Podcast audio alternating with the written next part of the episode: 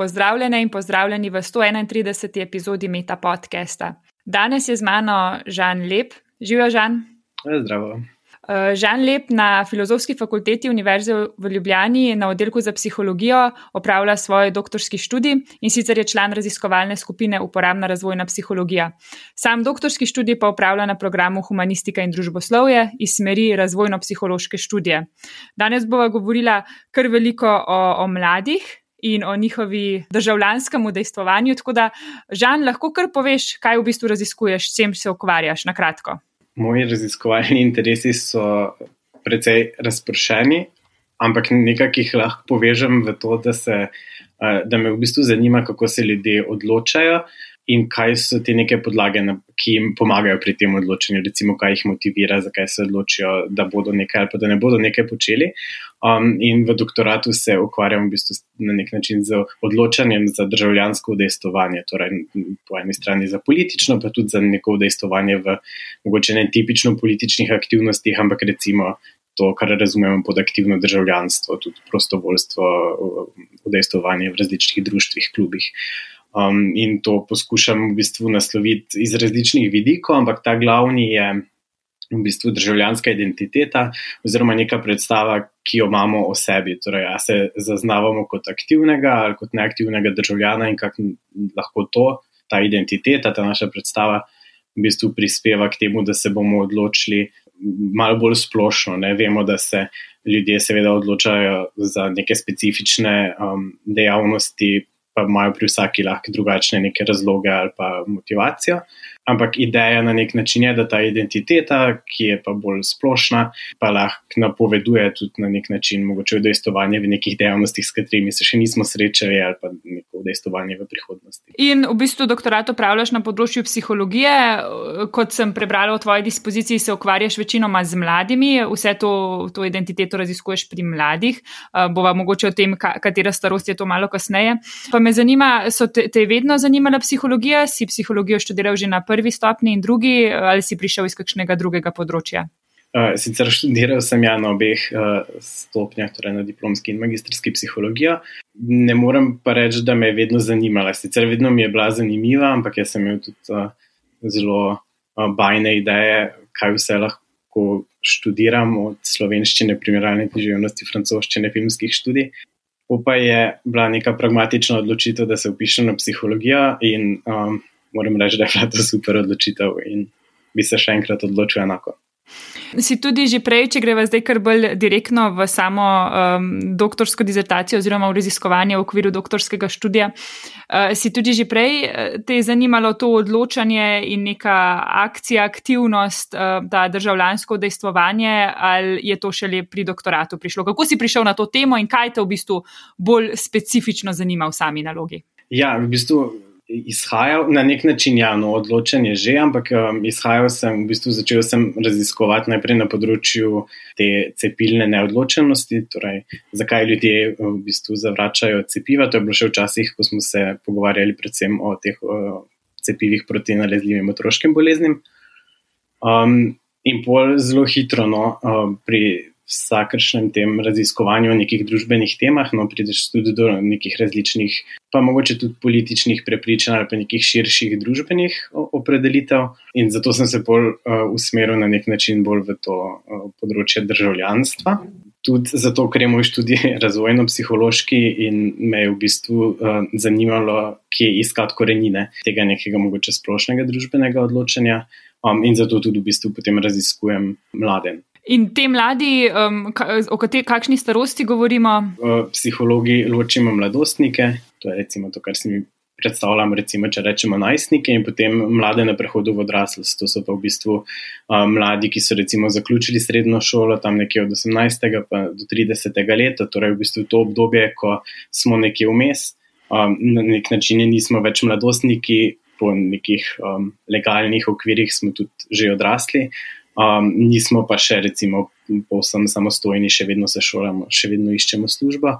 Um, in v bistvu vsako od obdobij teh razvojnih prinaša neke specifične izzive, in seveda sta povezani. Ne? To, kar na nek način usvojimo v mladostništvu, se prenaša na prehod v odraslost. Prehod v odraslost je pa sploh ne samo za državljansko udejstovanje, ampak v bistvu za številna področja zelo pomemben, ker na nek način uh, v tem času postavimo temelje za svoje delovanje skozi celotno življenje. Ne?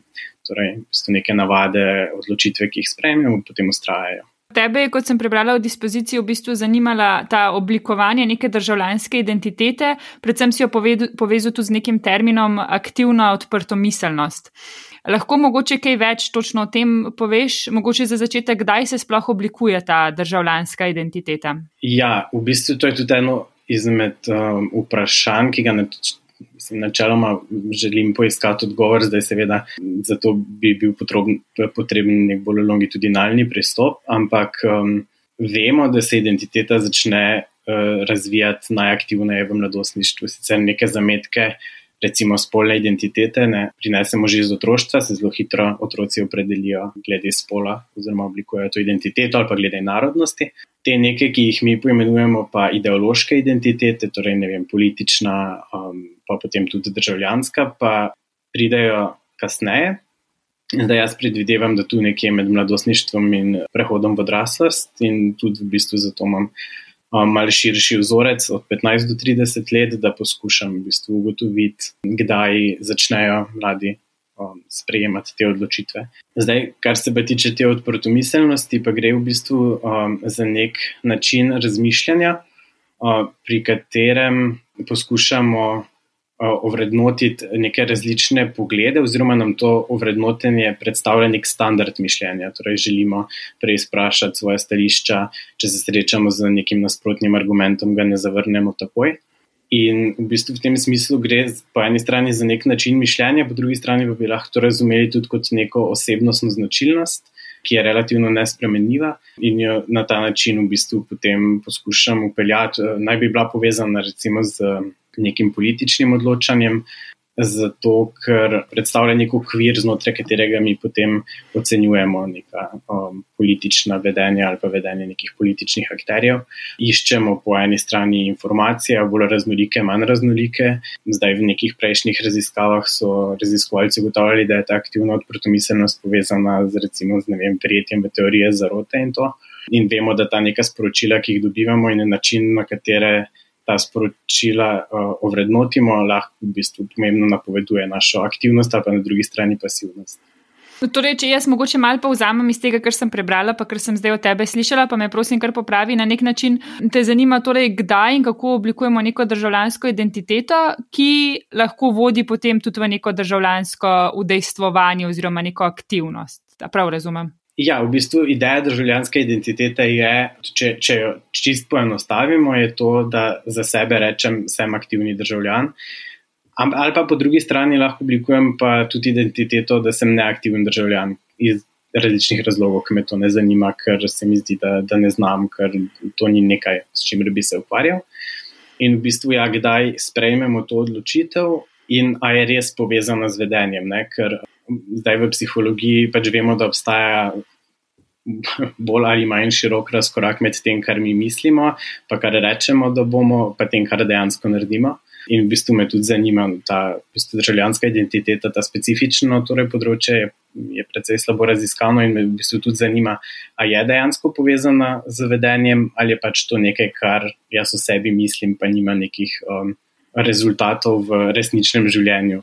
To se mi pa v bistvu zdi zelo pomembna stvar, sploh v psihologiji, da poskušamo te neke bazične principe, ki jih raziskujemo ali pa ki jih že poznamo, uh, potem prevesti v, v dejanja, no, ki pač ne, lahko tudi potem vodijo v oblikovanje neke boljše družbe, boljših politik, spodbujamo. Mhm. Neke vrste vedenja, ki imajo potem ne, tudi državljansko um, udejstvovanje ima za mlade raznolike pozitivne posledice, da na ta način spreminjamo uh, družbo na bolje. Kako pa se sploh lotiš takega raziskovanja? Uporabljaš intervjuje, vprašalnike, imaš mogoče kakšne naloge, kjer uh, dejansko so mlajši oziroma te tvoji udeleženci, udeleženke raziskav vrženi v neko situacijo, kjer se morajo recimo odločati, um, da dejansko lahko vidiš, ali se spremeni njihova vedenje ali se ne spremeni oziroma ali reagirajo, kot bi pričakoval. Uh, kako se lotiš raziskovanja? pač vsi ti pristopi so seveda možni. Jaz sem se zaenkrat odločil za vprašalniški tip um, raziskave, um, kjer v bistvu udeleženci samo poročajo, zdaj po eni strani o, o, o tem oblikovanju identitete, ne, o jih sprašujemo, ali so že sprejeli neke odločitve, ali so že, se že preizkušali v tem. Pa na nek način to poskušamo potem še podkrepiti z nekimi merami, ki so mogoče malo manj subjektivne. Mislim, so subjektivne, še vedno kar poročajo, ampak spet, ne, kot sem že prej rekel, eno je, kar, kar jaz mislim o sebi, da sem ful nekih stvari počel, potem pa lahko tudi poročam, kaj pa sem počel, koliko ur sem počel, pa to na nek način preverimo. Bi se pa dalo tudi bolj kvalitativno, um, to bi bilo potem. Um, Tudi, recimo, no, neka ideja za prihodnje eh, raziskave, da se potem to poglobi, ne sploh na področju identitete, kjer uh, v bistvu gre za zelo individualen proces, in v bistvu je z vprašalnikom težko zajeti vse nianse. Um, eksperimentalen pristop pa bi prišel predvsem upoštev, ko bi že recimo vedeli nekaj o, o teh nekih bolj splošnih mehanizmih. Uh, in potem, ko se recimo išče neke načine, recimo kako oblikovati sporočila, zato da spodbudiš vedenje, ali pa kako v bistvu spodbujati. No, to je tudi recimo ena stvar, ki bi me zanimala če se potrdi, da je državljanska identiteta dejansko povezana z udejstovanjem, torej kako jo oblikovati, da pa spodbujati eh, mlade, da, da, da raziskujejo to področje. Um, in tam bi se pa dalo potem tudi eksperimentalno v bistvu ja, uh, preverjati, spremenjati, recimo, temu pogoje in videti, um, kako vodijo v neko odločanje. Kaj pa so recimo neki pogoji, da se sploh državljanska identiteta oblikuje, in ali se, se to ne vem, če čisto uh, pride iz tvojega raziskovanja, ampak me vseeno zanima, ali se skozi leta spremenja. Torej, mislim skozi leta, ne samo skozi mladostištvo, pa pač to zgodno odraslost, ampak tudi potem, kasneje pri, pri staranju. Um. Ja, v bistvu, čisto v splošnem. Um naj bi bila identiteta, mislim, definicija identitete je, da predstavlja neko kontinuiteto skozi čas, ne? da, da v bistvu si tudi mi. V bistvu smo si zmožni predstavljati sebe v preteklosti in v prihodnosti kot neko eno osebo, ki se premika skozi čas, ampak to ne pomeni, da ni spremenljiva v bistvu ta proces identitetnega raziskovanja, torej da se vprašaš o svojih prepričanih opredelitvah, mogoče preizkusiš nekaj novega, traja v bistvu vse življenje, ampak verjetno um, osnova ostaja enaka, no, navadno, razen če pride do nekih res velikih sprememb ali pa velikih dogodkov, uh, lahko potem neka identiteta izveni ali pa se oblikuje, ko se ti, ne vem, rodi otrok, oblikuješ recimo identiteto starša.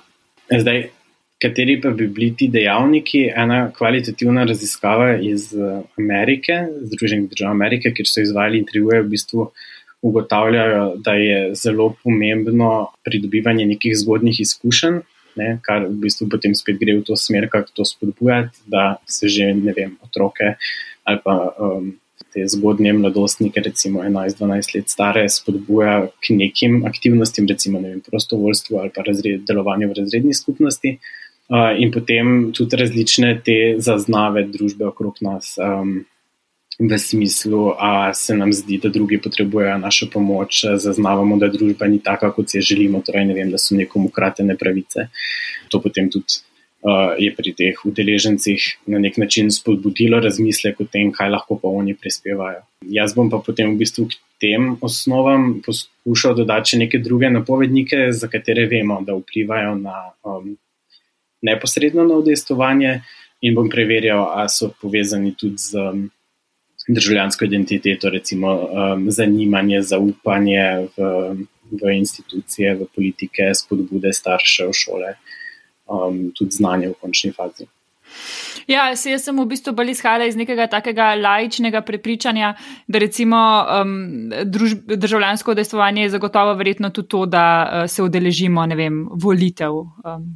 Ja, definitivno. Ja. Ja, in, in sem izhajala iz tega, ne, da vemo, da v Sloveniji vsaj imamo ta problem, da starejši nekako hodijo, potem imamo neko luknjo, vrzel vmes in potem mogoče mlajši že spet. In me zanima, ali je to neka generacijska stvar, ki je pač statična ali se tudi skozi generacije spreminja. Mogoče kaj veš o tem?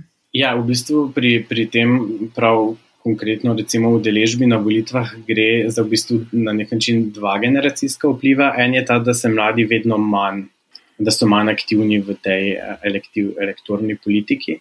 Um, zdaj, ena od možnosti, ki jo tudi preverjamo v enem raziskovalnem projektu, ki ga vodim, je to, ali je v bistvu današnja politika, ne, v kateri recimo prevladujejo um, srednjeletni moški, mladim sploh zanimiva, naslavlja njihove potrebe, a v končni fazi ta diskurs, kjer se delimo na leve in desne, je nekaj, kar v bistvu odraža prepričanje mladih. Neke predpostavke so, da je danes uh, politična krajina malo bolj zapletena kot samo leva in desna in na nek način lahko to mlade odvrača. Uh, je pa potem bolj um, privlačno na udeležbo, recimo na volitvah ali pa tudi kandidiranje za položaje pri, pri odraslih. Um, zdaj, zato so potem tudi neki čisto razvojni razlogi. Ne? Tudi odrasli imajo več neke družbene moči, družbenega vpliva, mladi na drugi strani um, imajo neke druge zadolžitve, ne? zelo so lahko obremenjeni s šolanjem, z iskanjem službe, z oblikovanjem družine in jim je potem nekako politika ni na prvem mestu. To je v bistvu tako, če primerjamo generacije, ampak tudi skozi zgodovino na nek način ja, so mladi, recimo takoj, kot so stari 18, jim je recimo zanimivo, da grejo prvič, potem pa neka vrzel nastane. Ampak jo poskušajo v bistvu danes raziskovalci pojasniti bolj s tem, da ne gre toliko za vrzel, ampak bolj za zamik. No. Um, da potem, ko razrešijo te neke izzive, ki jih prinaša prehod v odraslost, da potem v bistvu se, se spet aktivirajo in da čeprav opažamo, pa ne samo v Sloveniji, no, ampak v bistvu širom sveta, ta nek upad politične aktivnosti mladih, da to na nek način ne bo pomenilo, da bodo ti mladi ostali apatični skozi vse življenje. No. Ja, zato ker jaz sem v bistvu na nek način, recimo, da sem eh, pripadnica tiste generacije, ki, ki se malo udeležuje volitev. Ne. In um, mi je pa zelo zanimivo zdaj spremljati vse te v tujini, predvsem ne te mlajše uh, političarke. Ena izmed teh je zagotovo Aleksandrija Okazijo Cortez iz uh, ZDA. Um, kako je na nek način zbudila neko gibanje mlajših, ki se mi zdi, da se mogoče mal bolj udejstvujejo in um, me zanima, je bilo to vedno tudi v preteklosti, da je na vsake toliko časa pa kakšen mlajši prišel, ki je potem nekako zbudil neko generacijo, ali je to zdaj pojav tudi recimo z vsemi temi gibanji za podnebno pravičnost in podobno. Prav zgodovinsko ne vem zelo natančno, se mi pa zdi, da ne, seveda Aleksandrija, Okasijo Kortes je en tak primer, um, pa tudi drugi primeri so bili v zadnjih letih, kjer gre potem recimo torej raziskovalci opisujejo kot nek boom, ne tudi recimo udeležba na tem referendumu o Brexitu, so se mladi zelo aktivirali. Um, en referendum pred leti na Irskem so mladi iz celega sveta, ki so študirali v tujini in to prihajali nazaj domov, da so glasovali. Mislim, da je šlo takrat za pravice istospolnih, ker se jim je zdela recimo ta tema pomembna in na nek način, če za ne, je ta predpostavka, da če jim bo zanimivo ali pa če bodo v bistvu zaznali, da imajo neko moč spreminjanja uh, s tem, da se tako udejstvujejo, da jih na, to na nek način spodbuja k temu. No. In um, se mi zdi, da okasijo Cortez zelo dobro zna nasloviti v bistvu stvari, ki so mladim pomembne in na način uh, se jim tudi zna približati, ne, v končni fazi skozi socialne medije in to um, da se počutijo slišane. No? Uh, in to je definitivno eden od načinov, da se tudi politično udestovanje spodbuja. Ok, zdaj smo mogoče malo zašla na vsa druga področja, ki so mene zanimala iz tega zanimivega pogovora. Uh, pa vseeno, kaj si do zdaj že ugotovil, recimo, kaj si spoznal na podlagi sklepam, da preučuješ, predvsem se ukvarjaš s slovensko mladino um, in kaj te še zanima? Ja, v bistvu um, zdaj izvedli smo en kup nekih manjših študij, um, kjer smo pač seveda ja, preverjali, da to psihologi zelo radi počnemo, preverjali psihometrično, validirali vprašalnike, da v bistvu uh, preverimo, ali res merijo to, kar naj bi merili. Um, in kar mi je bila tako pozitivna, recimo, ugotovitev, je to, da čeprav, uh, ko smo spraševali mlade v dejstvovanju, je večina v bistvu poročala, da se praktično ne udejstvujejo, in potem uh, zelo majhna manjšina uh, je poročala, pa dejansko ne vem, recimo, da so nekaj, če moramo bi rekli, aktivni državljani. Ampak pri državljanski identiteti je pa bil ta razpon večji, no, v bistvu se je skoraj približalo normalni um, razporeditvi. Torej, na nek način mladi imajo oblikovano to neko zavest, Um, kar pa po drugi strani predstavlja problem, ker mogoče v bistvu ti rezultati kažejo na to, da pa mogoče ta povezanost med identiteto in dejanskim udejstovanjem ni prav močna. Uh, potem smo pa preverjali no, neke, neke napovednike, zdaj demografski napovedniki niso bili pomembni, um, kar je po eni strani tudi fajn, no, ker bi lahko to pomenilo, da ni nekih skupin, ki uh, se počutijo še bolj izrinjene, da si ravno še nismo preverjali teh, ki bi bile potencialno bolj problematične, recimo pripadniki nekih marginaliziranih skupin priseljencev. Potem smo preučevali v eni od teh študij tudi vpliv znanja in tega, kje ga mladi pridobivajo. Zdaj je sploh ne vse govorilo, kako leto nazaj, da bi se v srednjih šolah uvedel predmet aktivno državljanstvo. Nas je v bistvu tudi zanimalo, ali je šola sploh za mlade pomemben vir informacij o recimo, družbenem in političnem dogajanju, pa se je izkazalo, da je v bistvu v manjši meri, kar je seveda lahko posledica tudi tega, da teh vsebin mogoče ni v tolikšni meri, kot so mogoče v osnovni šoli, ne pri predmetu etika in državljanska vzgoja, kako se že pač to danes imenuje. In recimo tudi zanimiva ugotovitev je bila, da je povezanost med znanjem in udejstovanjem. Um, Ni enoznačna, v bistvu bolj na udejstovanje vpliva neko subjektivno znanje, ki pa ni povezano z objektivnim znanjem. Torej, mladi niso znali ceniti, koliko dejansko vejo o družbi in politiki, kar potem tudi otežuje na nek način ne, to izobraževanje, oziroma omejuje njegovo učinkovitost, ne, ker jih lahko um, sicer zelo izobrazimo, ampak to ne bo vplivalo um, na njihovo vedenje, kot mogoče nek občutek, ki ga oni sami pri sebi imajo. Kaj pa, kaj pa te recimo še zdaj v nadaljevanju zanima? Mislim, poleg preverjanja teh uh, hipotez v doktoratu, um, me predvsem žuli ta um, politična krajina mladih, recimo temu. Torej, um, a je delitev na levo in desno še aktualna za mlade? Rezultat je ene študije Slovenska mladina, ki so izvali na filozofski fakulteti v Mariboru. V bistvu so ugotovili, da se skoraj polovica ni znala opredeliti med levo in desno um, potem sem jaz preveril v enem članku, da obstaja kak alternativni model, ki bi to boljše opisal. Um, in zdaj v bistvu no, je tak velik cilj in moja velika želja, tudi zato, ker ni doktorat, pa ni prisile, da ga moram končati, oziroma teh nekih rokov in to, pa me potem bolj vleče tja, da tudi malo mednarodno preverimo, kakšne so te dimenzije, katere teme so mladim uh, pomembne. Čist na začetku si omenil nekaj zanimivega, da si v bistvu preden si šel na to področje identitete in podobno, te je zanimala um, neka namera po cepljenju in cepljenje. In jaz sem videla tudi, da si bil že v samem času pandemije Zdaj je pač to malo drugače, to cepljenje ni samo namenjeno za cepljenje otrok, ampak uh, večinoma odraslih, oziroma praktično samo odraslih zaenkrat. In um, kar nekaj del ste tudi na oddelku in skupaj s svojimi sodelavkami in sodelavci si objavil o pandemiji in me zanima, lahko mogoče čist na kratko en tak kaj, kaj vas je zanimalo, kaj ste spoznali, kaj, kaj, te, recimo, kaj se ti zdi, da lahko psihologija doprinese k samemu razumevanju pandemije in zakaj se ti zdi pomembno, da je recimo tudi vključena v to? Če, če začnem od zadaj odgovarjati na vprašanje, uh, zdaj pač po eni strani, uh, seveda najbolj pomembna, mogoče ne pa tako najbolj tipično psihološka, je ta neko nudenje.